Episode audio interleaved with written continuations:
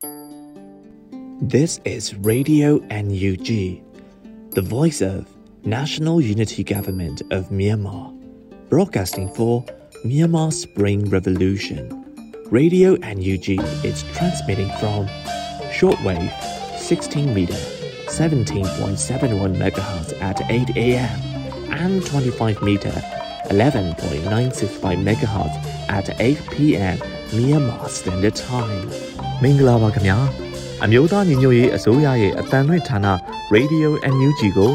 မနက်၈နာရီမှလိုင်းတို16မီတာ7.3 MHz ညပိုင်း၈နာရီမှလိုင်းတို25မီတာ17.665 MHz တို့မှာဓာတ်ရိုက်ဖမ်းယူနားဆင်နိုင်ပါပြီမင်္ဂလာအပေါင်းနဲ့ပြည့်စုံကြပါစေအခုချိန်ကစပြီး Radio NUG အစီအစဉ်တွေကိုဓာတ်ရိုက်အတန်လွှင့်ပေးနေပါပြီ။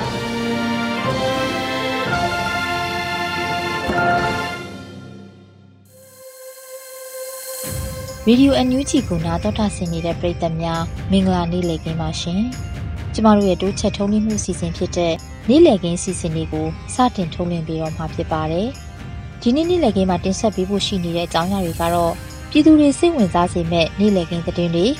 တော်လန်ရေးဆောင်ပါတော်လန်ရေးတီဂီတာနဲ့အတူတခြားစိတ်ဝင်စားဖွယ်ရာစီစဉ်တွေကိုတင်ဆက်ပေးဖို့ရှိနေတာဖြစ်ပါတယ်။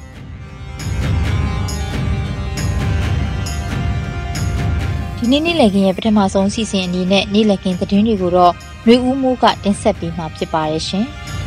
။မင်္ဂလာပါခင်ဗျာအခုချိန်ရစပြီး Radio NUG နေ့လည်ခင်းသတင်းတွေကိုဖတ်ကြားတင်ပြပေးပါတော့မယ်ခင်ဗျာအခုတင်ပြပေးမယ့်သတင်းတွေကတော့ Radio NUG သတင်းတာဝန်ခံတွေနဲ့ခံလုံသောမိဖက်သတင်းရင်းမြစ်တွေမှာအခြေခံထားတာဖြစ်ပါတယ်ကျွန်တော်ຫນွေဦးမိုးပါ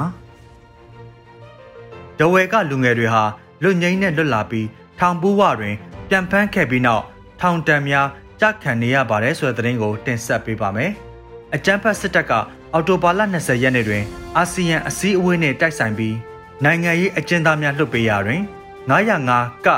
အမှုလက်နက်မှုစသည်ဖြင့်ဆွဲခံထားရသူလူငယ်3ဦးဟာထောင်ပူးဝမှာပဲပြန်လည်အဖမ်းခံလိုက်ရပါတယ်။တနင်္လာရီတိုင်းတဝယ်မြို့တွင်ပြီးခဲ့သည့်မေလ29ရက်နေ့က ဖမ်းဆီးခံခဲ့ရသူလူငယ်3ဦးကိုတဝဲအကျဉ်းထောင်တွင်တရားရုံးကလက်နက်လက်ဝယ်ထားရှိမှုပုံမှ16စဖြင့်ထောင်ဒဏ်တစ်နှစ်စီချမှတ်ခဲ့ခြင်းဖြစ်ပါတယ်။ကိုတူရဇော်ကိုစိုးတက်ဇော်ကိုခန့်ညင်ညီတက်တို့သုံးဦးဟာစစ်အာဏာရှင်တော်လှန်ရေးမှာတက်ကြွလှုပ်ရှားသူများဖြစ်ကြပြီးပြန်လည်အဖမ်းခံရပြီးနောက်လွန်ခဲ့တဲ့ဒီဇင်ဘာ9ရက်နေ့မှာတော့ထောင်ဒဏ်ချမှတ်ခံလိုက်ရပါတယ်။သူတို့ကိုလက်နက်မှု16စနဲ့ မနေ့ကအမိန့်ချလိုက်တာတယောက်ကိုတစ်နှစ်စီချလိုက်တာလို့ထောင်ကျသူလူငယ်များနဲ့နီးစပ်သူတို့ကပြောပါတယ်။မူလက၎င်းတို့လူငယ်၃ဦးကိုနိုင်ငံတော်အကြီးအကျယ်ပြည့်စုံမှုပုံမှ905ကနဲ့လက်နက်အဥပဒေပုံမှ16စစသည့်ပုံမှန်နှစ်ခုဖြင့်တရားစွဲဆိုခြင်းခံထားရခြင်းဖြစ်ပါတယ်။အော်တိုဘာလ20ရက်နေ့တွင်အကျဉ်းသားများလွှတ်ပေးရတွင်ပါဝင်ခဲ့တော်လဲအပြင်သို့ထွက်ရန်ထောင်ပူးဝါသို့ရောက်ရှိပြီးကမှပြန်လည်အဖမ်းခံလိုက်ရတာပါ။ ဒဝဲခရိုင်ဒီမိုကရေစီလှုပ်ရှားမှုတပိတ်ကော်မတီမှဥဆောင်သူတို့ဖြစ်သူကိုဝေယံစိုးကတော့အခုထောင်ချလိုက်တဲ့လူတွေကလမ်းပေါ်ထွက်ဆန္ဒပြတဲ့သူတွေပါလက်နက်မှုနဲ့ချလိုက်တာကသူတို့ရဲ့ဆွဆွဲချက်ပဲ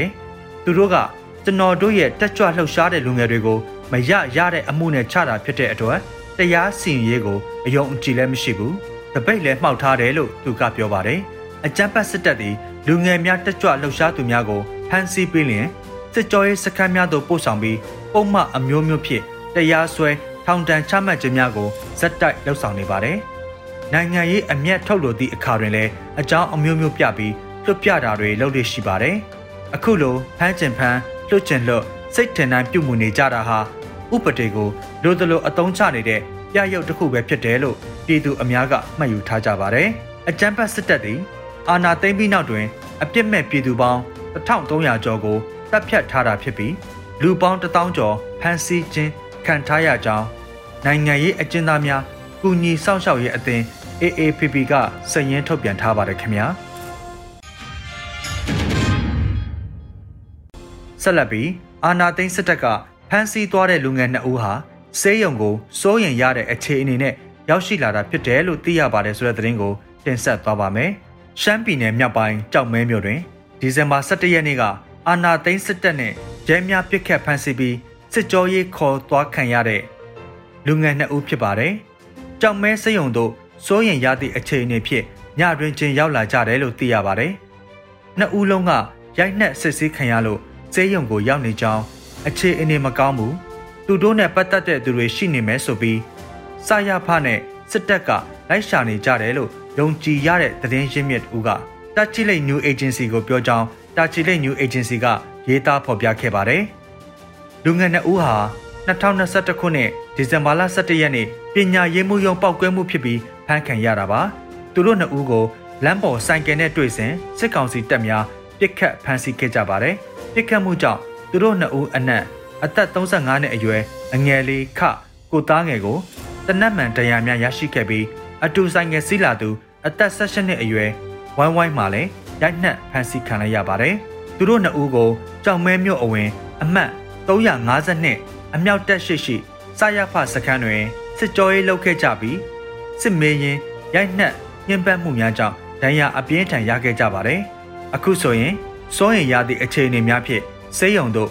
ဒီဇင်ဘာလ17ရက်နေ့ညမှာရောက်ရှိလာပြီးစေယုံဝန်းကျင်ကိုလည်းအာနာသိမ့်တက်နဲ့ရဲတို့ကကင်းချထားပါတယ်။အသက်ပေးစိုးရင်ရတဲ့အခြေအနေအထိ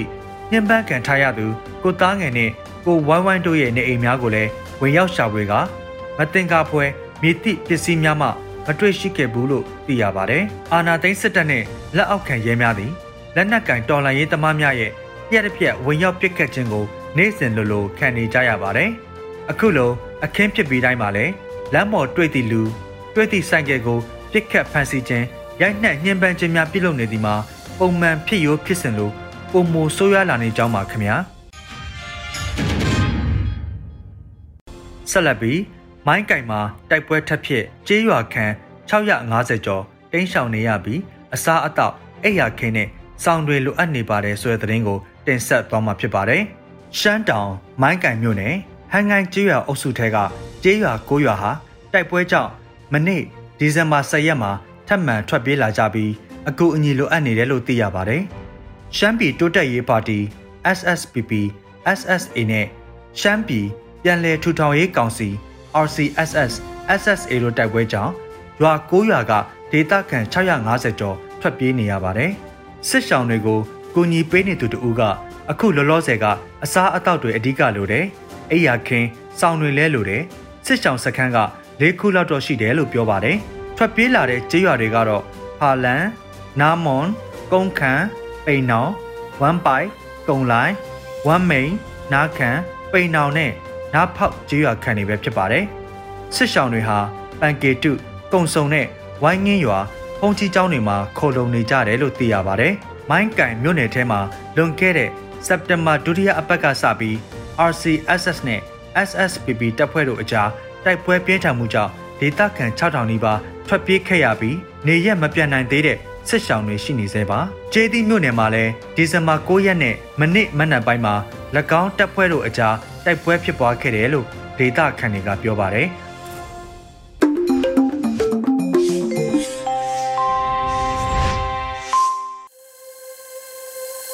ဗီဒီယိုအန်ယူချီရဲ့နေ့လည်ခင်းစီစဉ်တွေကိုဆက်လက်တင်ပြနေပါတယ်။ခုတစ်ခါမှာတော့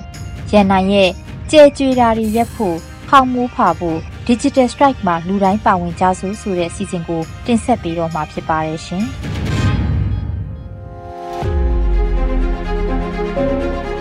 ကျဲကျွေတာရက်ဖို့ခေါမိုးဖာဖို့ Digital Strike မှာလူတိုင်းလူတိုင်းလူတိုင်းပါဝင်ကြစို့နေပေါင်း60နီးပါးစစ်အာဏာရှင်စနစ်ကနေဒီမိုကရေစီနိုင်ငံတကာနိုင်ငံဖြစ်လာဖို့ကြိုးစားနေစေမြန်မာနိုင်ငံဟာကမ္ဘာ့လယ်မှာ နိုင်ငံတကာနဲ့တန်းတူရင်ပေါင်းတန်းနိုင်မဲ့အခြေအနေအဆင့်တန်းကိုရောက်ရှိဖို့နိုင်ငံရဲ့မျိုးဆက်အသီးသီးဟာမိမိတို့ကြာကြာတာဝန်ကိုထမ်းဆောင်ရင်းတက်တက်ကြွကြွကြိုးပမ်းနေချိန်2021ခုနှစ်ဖေဖော်ဝါရီလ10ရက်နေ့မှာတော့စစ်အာဏာယူရိုရဲ့လက်နက်အားကိုမတရားအာဏာသိမ်းပိုက်ခြင်းကိုခံလိုက်ရပါတယ်စစ်အာဏာရှင်ရဲ့မတရားအာဏာသိမ်းမှုစတင်ခဲ့ချိန်ကစလို့မြန်မာပြည်သူတွေဟာ စစ်အာဏာရှင်စန့်ကျင်ရေးနဲ့ဒီမိုကရေစီစနစ်ပြန်လည်ထွန်းကားလာရေးအတွက်လမ်းပေါ်တက်လို့တရက်မပြတ်ဆန္ဒထုတ်ဖော်နေကြရပါတယ်စစ်အာဏာရှင်ဟာအာဏာသိမ်းပြီးတဲ့နောက်ပြည်သူဆန္ဒနဲ့ဆန့်ကျင်ပြီးနိုင်ငံခေါင်းဆောင်တွေကိုမတရားထိန်းသိမ်းထားပြီးတော့မမှန်ကန်တဲ့ဥပဒေပုံမှန်အမျိုးမျိုးနဲ့၎င်းတို့လိုရာပြစ်ဒဏ်တွေချမှတ်ရင်တရားဥပဒေစိုးမိုးရေးမှာစိတ်တိုင်းကြချဲ့တယ်နေသလို၎ င်းတို့ကိုငြိမ်းချမ်းစွာဆန့်ကျင်ဆန္ဒပြနေတဲ့ပြည်သူတွေကိုလည်းလက်နက်အားကိုနဲ့မတရားဖိနှိပ်အနိုင်ကျင့်တပ်ဖြတ်မှုတွေကိုဇက်တိုင်းဆိုသလိုပြုမှုနေခဲ့ကြပါတယ်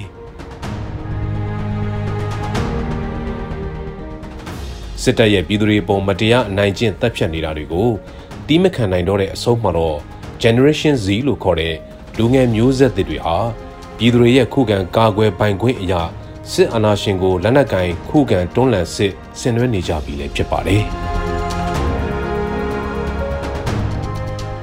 အဲဒီလိုမိဘရင်ဝင်ကစွန့်ခွာလို့နိုင်ငံအတွက်အသက်နဲ့ခနာကိုပါစွန့်လွတ်တိုက်ပွဲဝင်နေကြတဲ့ PDF တွေအလုံးနဲ့အနာဂတ်ဘဝတွေကိုယင်းပြီးစစ်အာဏာရှင်ကိုအာဏာဖီဆန်ခဲ့ကြတဲ့ CDM တွေငင်းချမ်းစွာဆန္ဒပြပွဲတွေမှာစစ်ကောင်စီရဲ့မတရားဖိနှိပ်တပ်ဖြတ်မှုကိုခံနေရတဲ့လူငယ်တွေရဲ့အဖြစ်တွေကိုကြည်ရင်းနဲ့ပဲ မိဘပြည်သူတွေရဲ့ရင်ထဲမှာလဲမချီတင်ခဲကြေခွဲခံစားနေကြရမှာပါ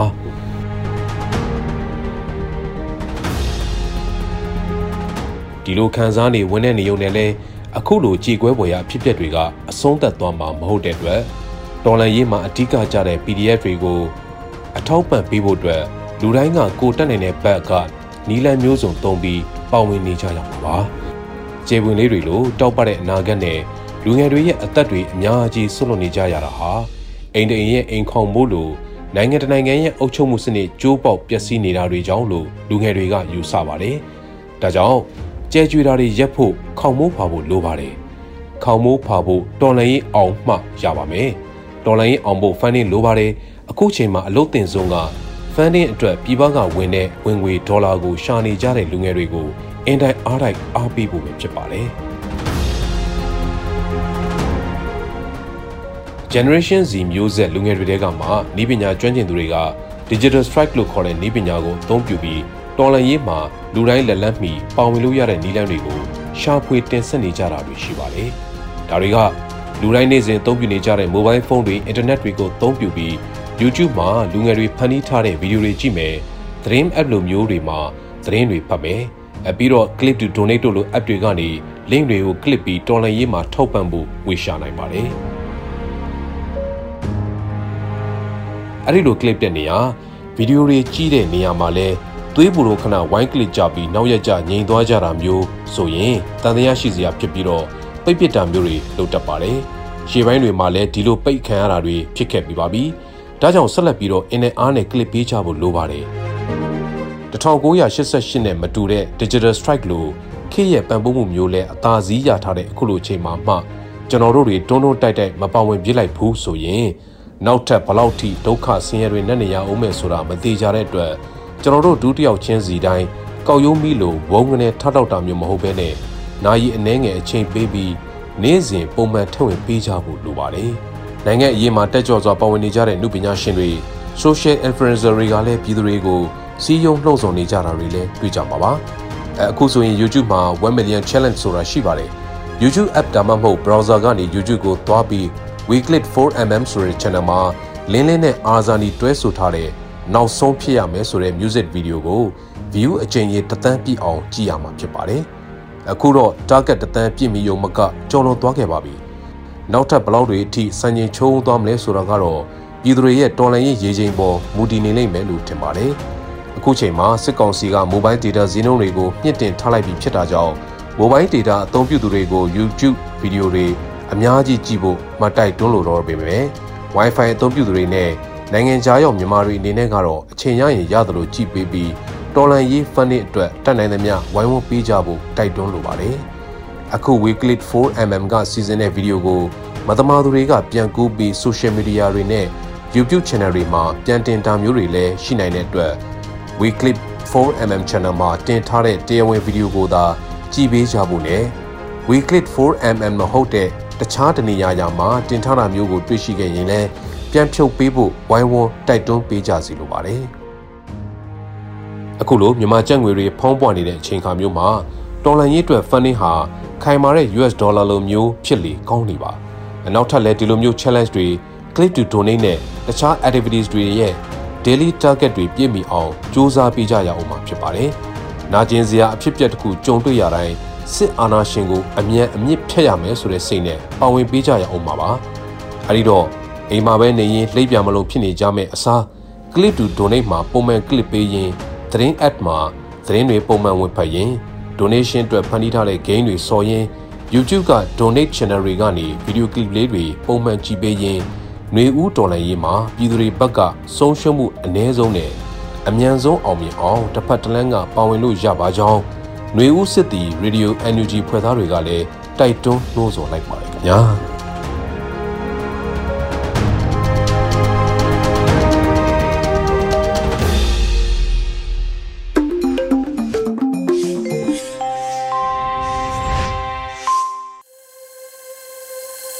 အခုဆက်လက်ပြီးနားဆင်ကြရမှာကတော့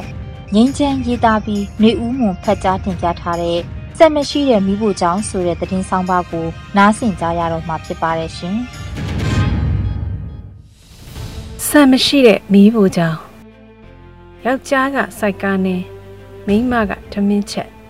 ကလေးတွေကကစားပျော်နေကြတဲ့မြင်ကွင်းတွေကိုမြင်မိသေးတယ်။ဒါပေမဲ့မြန်မာနိုင်ငံထဲကိုပြန်ပွားလာတဲ့ကိုဗစ်ရောဂါပိုးကြရောက်ချိန်2020ခုနှစ်ထဲမှာလုံးမလုံနိုင်တဲ့သူတွေကိုနိုင်ငံတော်ကထောက်ပံ့ကြေးတွေ အခြေခံစားတောက်ကုန်တွေထောက်ပံ့နေတာဟာအစိုးရကပြည်သူလိုအပ်တာတွေကူညီနေတာအင်တိုက်အားတိုက်ပါပဲ2020ခုနှစ်ကိုဗစ်ပိုးပထမလိုင်းနဲ့ဒုတိယလိုင်းမှာနိုင်ငံတော်အစိုးရကထောက်ပံ့ခဲ့တာတွေကိုထောက်ပံ့ခံခဲ့ရတဲ့ပြည်သူတွေကစာဝင်နေရေးအခက်အခဲရှိနေတဲ့ကြားကကူညီခံခဲ့ရတာကြောင့်ပီတိမျက်နှာပျော်ရွှင်နေတဲ့မြင်ကွင်းတွေဟာဝမ်းနည်းစရာတွေကဝမ်းသာစရာတွေပါပဲဒီလိုကူညီနေတဲ့အထက်မှာအလူရှင်တွေလည်းပါပါတယ် မုံတိုင်းတို့ရေဘေးတို့ဖြစ်ချိန်မှာအစိုးရနဲ့အလူရှင်တွေကပြည်သူတွေကိုစေတနာရှင်တွေကအရေးပေါ်လိုအပ်နေတဲ့စံစီစားရေသက်ခောက်ဆွဲကြောက်တွေကူညီထောက်ပံ့တော့ရကြတဲ့ပြည်သူတွေလို့ပေါ့ကျွန်တော်မှမိမကလည်းကိုဝင်ဆောင်ထားရတယ်မိသားစုကလည်း9ယောက်ကျွန်တော်ကိုယ်တိုင်ဥဆောင်လုပ်ကိုင်ပြီးစိုက်ကားနင်းကျွေးနေရတော့စာဝင်နေရေးအတွက်အသက်ရှူကျက်နေရတာပေါ့ဒါပေမဲ့ဟိုကထောက်ပံ့ဒီကထောက်ပံ့ဆိုတော့ကုသခံတာရှိတာပေါ့ ဒါပေမဲ့အခုတော့ဘသူကမှလာမထောက်ပံ့တဲ့အပြင်ဘယ်ချိန်ဘလို့ပုံမှန်မျိုးနဲ့လာဖမ်းမလဲစိုးရိမ်နေရတယ်လို့ ARD တိုင်းမဦးမင်းမျိုးကနှင်းရင်ဆရာတယောက်ကပြောပြပါတယ်ခစ်ဆိုတာမြင့်နဲ့တူတယ်လို့ဆရာတယောက်ကပြောပြဘူးလို့မှတ်သားဘူးပေမဲ့ခုခေတ်ကတော့ရေမြောင်းလိုဖြစ်သွားပြီလို့တော့ပြောရမလားလို့လက်တွေ့နဲ့အတိတ်ကိုနှိုင်းရှင်မိတယ်။ဘာကြောင့်လဲဆိုရင်အတိတ်နဲ့အနာဂတ်ကဖြတ်တန်းကြော်ဖြတ်ခဲ့ရလို့မြင်ခဲ့ရပေမဲ့ပစ္စုပန်ကိုလှမ်းမြော်ကြည့်လိုက်ရင် လမ်းခရီးကခရီးရေးလေးမြင်နေရတယ်လို့ပါပဲအဲ့ဒီပစ္စုပန်ကိုမြင်ရတဲ့ခရီးလမ်းခရီးရေးလေးမြင်ခွင့်ဟာလက်ရှိတွေ့နေကြရတဲ့စာဝတ်နေရေးပါပဲလို့အဖြေထုတ်ရမလို့ပါပဲအခုခေတ်အခုကာလခုစနစ်ရဲ့နောက်ဆက်တွဲကိုပြေးကြည့်ရင်တထေးကြီးတွေလာကစားတွေပင်စင်စားတွေလောက်သာအဆင်ပြေနေကြသလိုကြံပြည်သူတွေကတော့အဆင်မပြေတာကိုတွေ့ရပါလိမ့်မယ်ကျွန်တော်တို့အသက်ငယ်ငယ်တုန်းကလူကြီးသူမတွေပြောတာကြားဘူးတယ်။ဘာတဲ့ ကုန်းကောက်စရာမရှိအောင်ရှားတယ်တဲ့။အခုဖြစ်နေတာကအဲ့ဒီခေတ်ကြီးများဖြစ်နေပြီလားလို့ကြောက်မိတယ်လို့ ARD တိုင်းပတ်တနော်မျိုးကရမီရဖတယောက်ကပြောပြပါတယ်။တကယ်တမ်းပြောကြစတဲ့ဆိုရင်တော့အုတ်ချုပ်သူနဲ့အုတ်ချုပ်ခံနှစ်ဖက်စလုံးညီမျှနေရင်တာယာဝါပြောနေကြစမြဲပါ။အခုတွေ့နေရတာကအုတ်ချုပ်သူနဲ့အုတ်ချုပ်ခံတွေညီမျှနေရတာနဲ့လူငယ်စကားပြောရရင်ဂျားကားဆွဲခံသွားရတာပါပဲ ဂျားကားဆိုလို့ဆက်ရှင်းပြပေးပါမယ်ကားလမ်းပေါ်မှာကားရောင်စုံတွေမောင်းနှင်သွားလာနေချိန်စိတ်ရောင်ကားကြီးတစ်စီးကဖြတ်မောင်းသွားတဲ့နောက်ဝါရောင်ကားတွေနံပါတ်ပြားမပါတဲ့ကားတွေကလွဲပြီးကျန်တဲ့ကားတွေကလမ်းဘေးရောက်သွားတယ်လို့ပါပဲကျမယောက်ျားကရန်ကုန်မှာတက္ကစီကားမောင်းတယ်အဲ့ဒီတုန်းကတော့စားဝင်နေရေးကအဆင်ပြေတယ်လေဒါပေမဲ့စစ်တပ်ကအာဏာသိမ်းပြီးတဲ့နောက်ဆန္ဒပြလာတွေဖြစ်လာတော့ကားမမောင်းရတော့လို့ရွာကိုပြန်လာရတယ်။ ခုဆိုကျမကိုယ်တိုင်နေစားအလုပ်လုပ်ပြီးစောက်ဝင်နေရေးကိုဖြည့်ရှင်းနေရတယ်။ဒါပေမဲ့အရင်ကလိုအဆင်မပြေပါဘူးလို့ညအောင်မြို့နယ်တွေကအေရှင်မတယောက်ကရင်ဖွင့်ပါတယ်။ဆန္ဒပြပွဲတွေကြောင့်ရန်ကုန်ကနေပြန်လာခဲ့ရတဲ့တက်ဆီဆရာကတော့ဟိုဘက်ကပြစ်ဒီဘက်ကပြစ်နဲ့ဆိုတော့ကားမထွက်ရဲဘူးလေ။အဲ့တော့ပိုင်ရှင်ကိုနေရွက်ခမပေးနိုင်တော့ရွာကိုပြန်လာတာခုတော့ကြာပန်းမဲ့လှုပ်ရှားနေရတယ်တဲ့ နိုင်ငံတနိုင်ငံမှာဖွဲ့စည်းပုံအခြေခံဥပဒေနဲ့အစိုးရဟာညီမျှနေမှဖွံ့ဖြိုးတိုးတက်တာပါဒါပေမဲ့ဥပဒေနဲ့မညီတဲ့အစိုးရဆိုရင်တော့ခန်းစားပေးဆက်ကြရတာကအအောက်ခြေလူဒန်းစားတနည်းအားဖြင့်ပြောရရင်ပြည်သူတွေပါပဲအစိုးရဆိုတာပြည်သူကတင်မြှောက်ထားတာအာဓမသိမ်းထားတဲ့အစိုးရမဟုတ်တဲ့ဂုံတရရှိလူကြီးတွေဟာဖွဲ့စည်းပုံအခြေခံဥပဒေကိုလိုက်နာပြီးနိုင်ငံတော်တာဝန်တွေထမ်းဆောင်ရတာမဟုတ်လား 2021ခုနှစ်မင်းအွန်လိုင်းတို့စတင်အာဏာသိမ်းလိုက်ပြီးတဲ့နောက်မှာတော့ဥပဒေဆိုတာအမိုက်တောင်းနဲ့ရောက်သွားပြီးရေဘူးပေါက်တာမလို့ခြင်းဘူးရေပါတာပဲလိုချင်တယ်ဆိုတဲ့တမိတ်တသွေးတပန်းဆိုတဲ့မူကိုသုံးလာတာဟာမင်းအွန်လိုင်းကနေနေဝင်မူပဲလားတန်းရွှေမူပဲလားဆိုတာတော့စဉ်းစားစရာပါပဲဒါပေမဲ့ပြည်သူတွေကပြောနေကြတဲ့အတန်တွေကြားနေရတာကတော့ခုတက်နေတဲ့လူကြီးကဘလူသေးသေးငတေးမာရင်ပြီးရောဆိုတဲ့စကားသံတွေပါပဲ ဆီအာနာသိန်းစာတုန်းကပြောတာကတစ်နှစ်တက်တစ်နှစ်ပြည့်တော့ပြောပြန်တော့နှစ်နှစ်တက်ကွာဒီလူကြီးတွေကငါတို့နိုင်ငံမှာဘလောက်ထိဒုက္ခပေးနေကြအောင်မလဲမသိပါဘူးကွာလို့ပသိမ်မြို့နယ်ငွေဆောင်ကန်းကြီးကအမိမဖော်လို့တဲ့လုပ်ငန်းရှင်တယောက်ကပြောပါတယ်သူဆက်ပြောပြတာကကျွန်တော်တို့ကလည်းကိုယ့်လူသမားတွေဖြုတ်ချင်လို့ဖြုတ်တာတော့မဟုတ်ဘူးကိုဗစ်ရောဂါကဝင်ကိုစစ်တွေကလည်းဝင်လာတော့လုပ်ငန်းတွေပိတ်လိုက်ရတာကြောင့်မဖြစ်ချင်တဲ့အခြေအနေကိုရောက်သွားတာပါပဲတဲ့ ကြံ့ဖွန်ပါတီအာဏာရနေခြင်း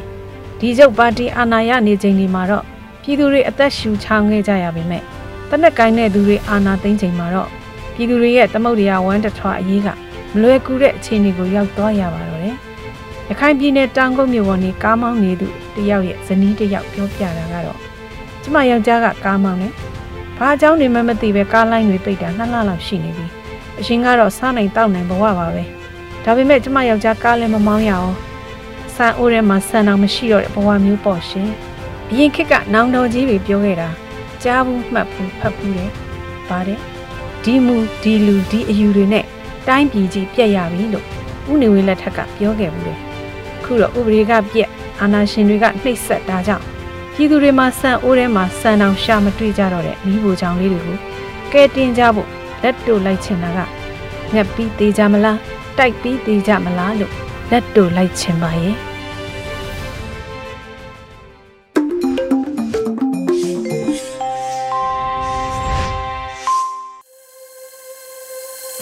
ဒီနေ့နေ့လည်ခင်းရဲ့တေဂီတာအစီအစဉ်မှာတော့တော်လှန်ရေးတေဂီတာအနေနဲ့ I Believe NUG ဆိုတဲ့တေဂီတာအစီအစဉ်ကိုတော့ KTA ကတင်ဆက်ပေးထားပါတယ်ရှင်။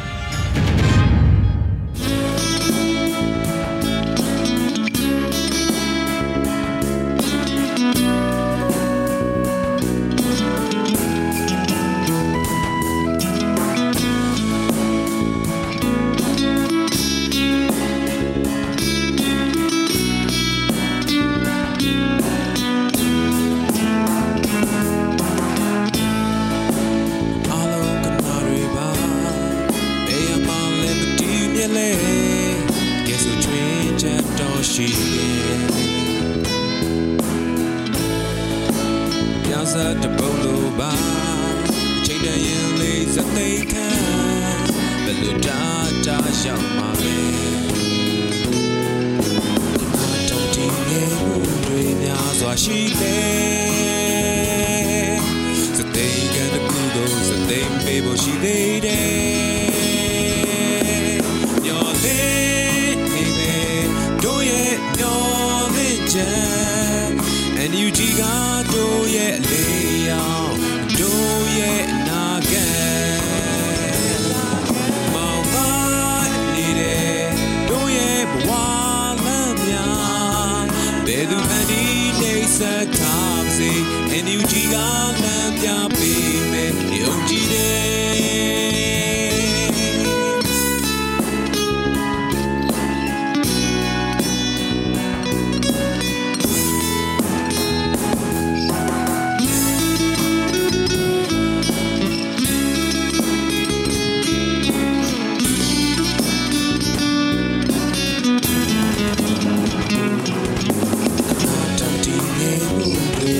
စွာရှိလေ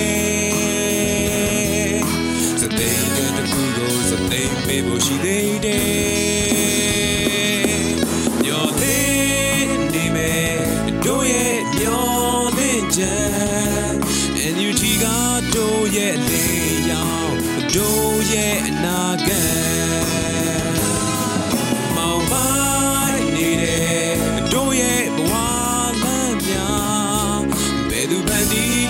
ဆက်ထားစေ NUG ကလက်ပြပေးမယ်ယုံကြည်တယ်မျော်လင့်နေမယ်တို့ရဲ့မျော်လင့်ချက် NUG ကတို့ရဲ့လေရောင်တို့ရဲ့နာခံမောင်မိုင်းနေတဲ့တို့ရဲ့ဘဝ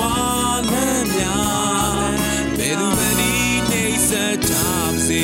NUG ကလမ်းပြပေးမယ်ယုံကြည်တယ်ဘယ်သူမှဒီနေစတာမစေ NUG ကလမ်းပြပေးမယ်ယုံကြည်တယ်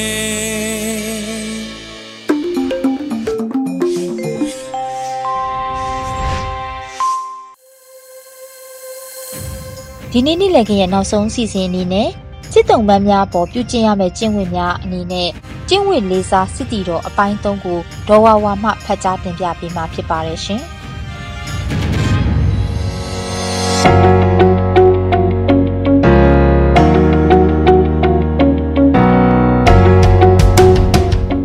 မင်္ဂလာပါ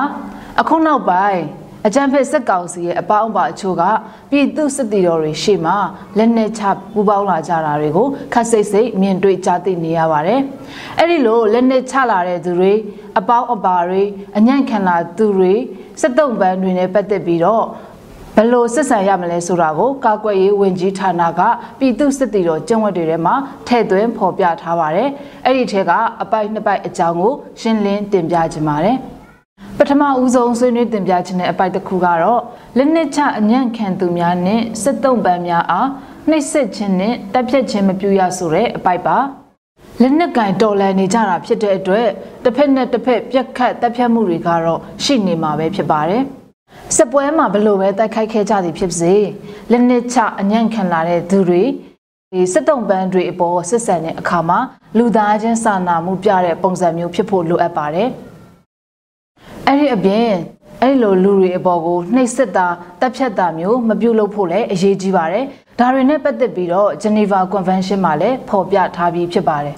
။အဲ့ဒီလိုကိုယ်စီကိုလက်နက်ချအညံ့ခံလာတဲ့သူတွေအပေါ်လူလူချင်းလေးစားကြောင်းလူလူချင်းစာနာကြောင်းပြသနိုင်မယ်ဆိုလို့ရှိရင်နောက်ထပ်လက်နက်ချပူပေါင်းလာတဲ့သူတွေပို့ပြီးတော့များပြားလာနိုင်ပါတယ်။နောက်ထပ်အပိုက်တစ်ခုကတော့ မိသားစုတွေထံအမြန်ဆုံးအသိပေးအကြောင်းကြားခြင်းကျန်းမာရေးဆောင်ရှောက်မှုပေးခြင်းချုပ်နှောင်ထားရှိရန်လိုအပ်ပါကအမျိုးသားနဲ့အမျိုးသမီးတည်တံ့ခွဲခြားချုပ်နှောင်ထားခြင်းပြုရမည်ဆိုတဲ့အပိုက်ပါဖန်ဆီးထားတဲ့အချိန်မှာလည်းသူတို့ရဲ့မိသားစုတွေနဲ့ဆက်တွယ်ဖို့နဲ့လိုအပ်ရင်လူသားချင်းစာနာမှုဆိုင်ရာအကူအညီပေးနေတဲ့အဖွဲ့တွေနဲ့ချိတ်ဆက်ပြီးကျန်းမာရေးဆောင်ရှောက်မှုတွေပေးဖို့လိုအပ်ပါတယ်အဲ့ဒီအပြင်ဖန်ဆီးခဲ့တဲ့လူတွေထဲမှာ အမျိုးသမီးတွေပါဝင်ခဲ့တယ်ဆိုလို့ရှိရင်အမျိုးသမီးအမျိုးသားတည်တံ့ခွဲခြားချုပ်နှောင်ထားဖို့လိုအပ်ပါတယ်။ဒါကြောင့်ကာကွယ်ရေးဝန်ကြီးဌာနအောက်မှာရှိတဲ့ပြည်သူ့ကာကွယ်ရေးစစ်တီတော်တွေအနေနဲ့အထက်ပါကျင့်ဝတ်တွေကိုလိုက်နာခြင်းအပြင်ပြည်တွင်းသားမကနိုင်ငံတကာကျင့်ဝတ်တွေကိုပါလေးစားလိုက်နာရာရောက်ကြောင်းပြသနိုင်မှာဖြစ်ပါတယ်။လူရဲလို့ပြည့်ညက်ခံရပေမဲ့ လူလူချင်းနှိပ်စက်တက်ဖြတ်နေကြတဲ့လူစိတ်မရှိတဲ့သူတွေကိုတော်လန်နေကြချိန်မှာလူသားချင်းစာနာကြောင်းလူပီတကြောင့်ပြသရင်အဆုံးထိတိုက်ပွဲဝင်ကြပါစို့အရေးတော်ပုံမုတ်ချအောင်ရမည်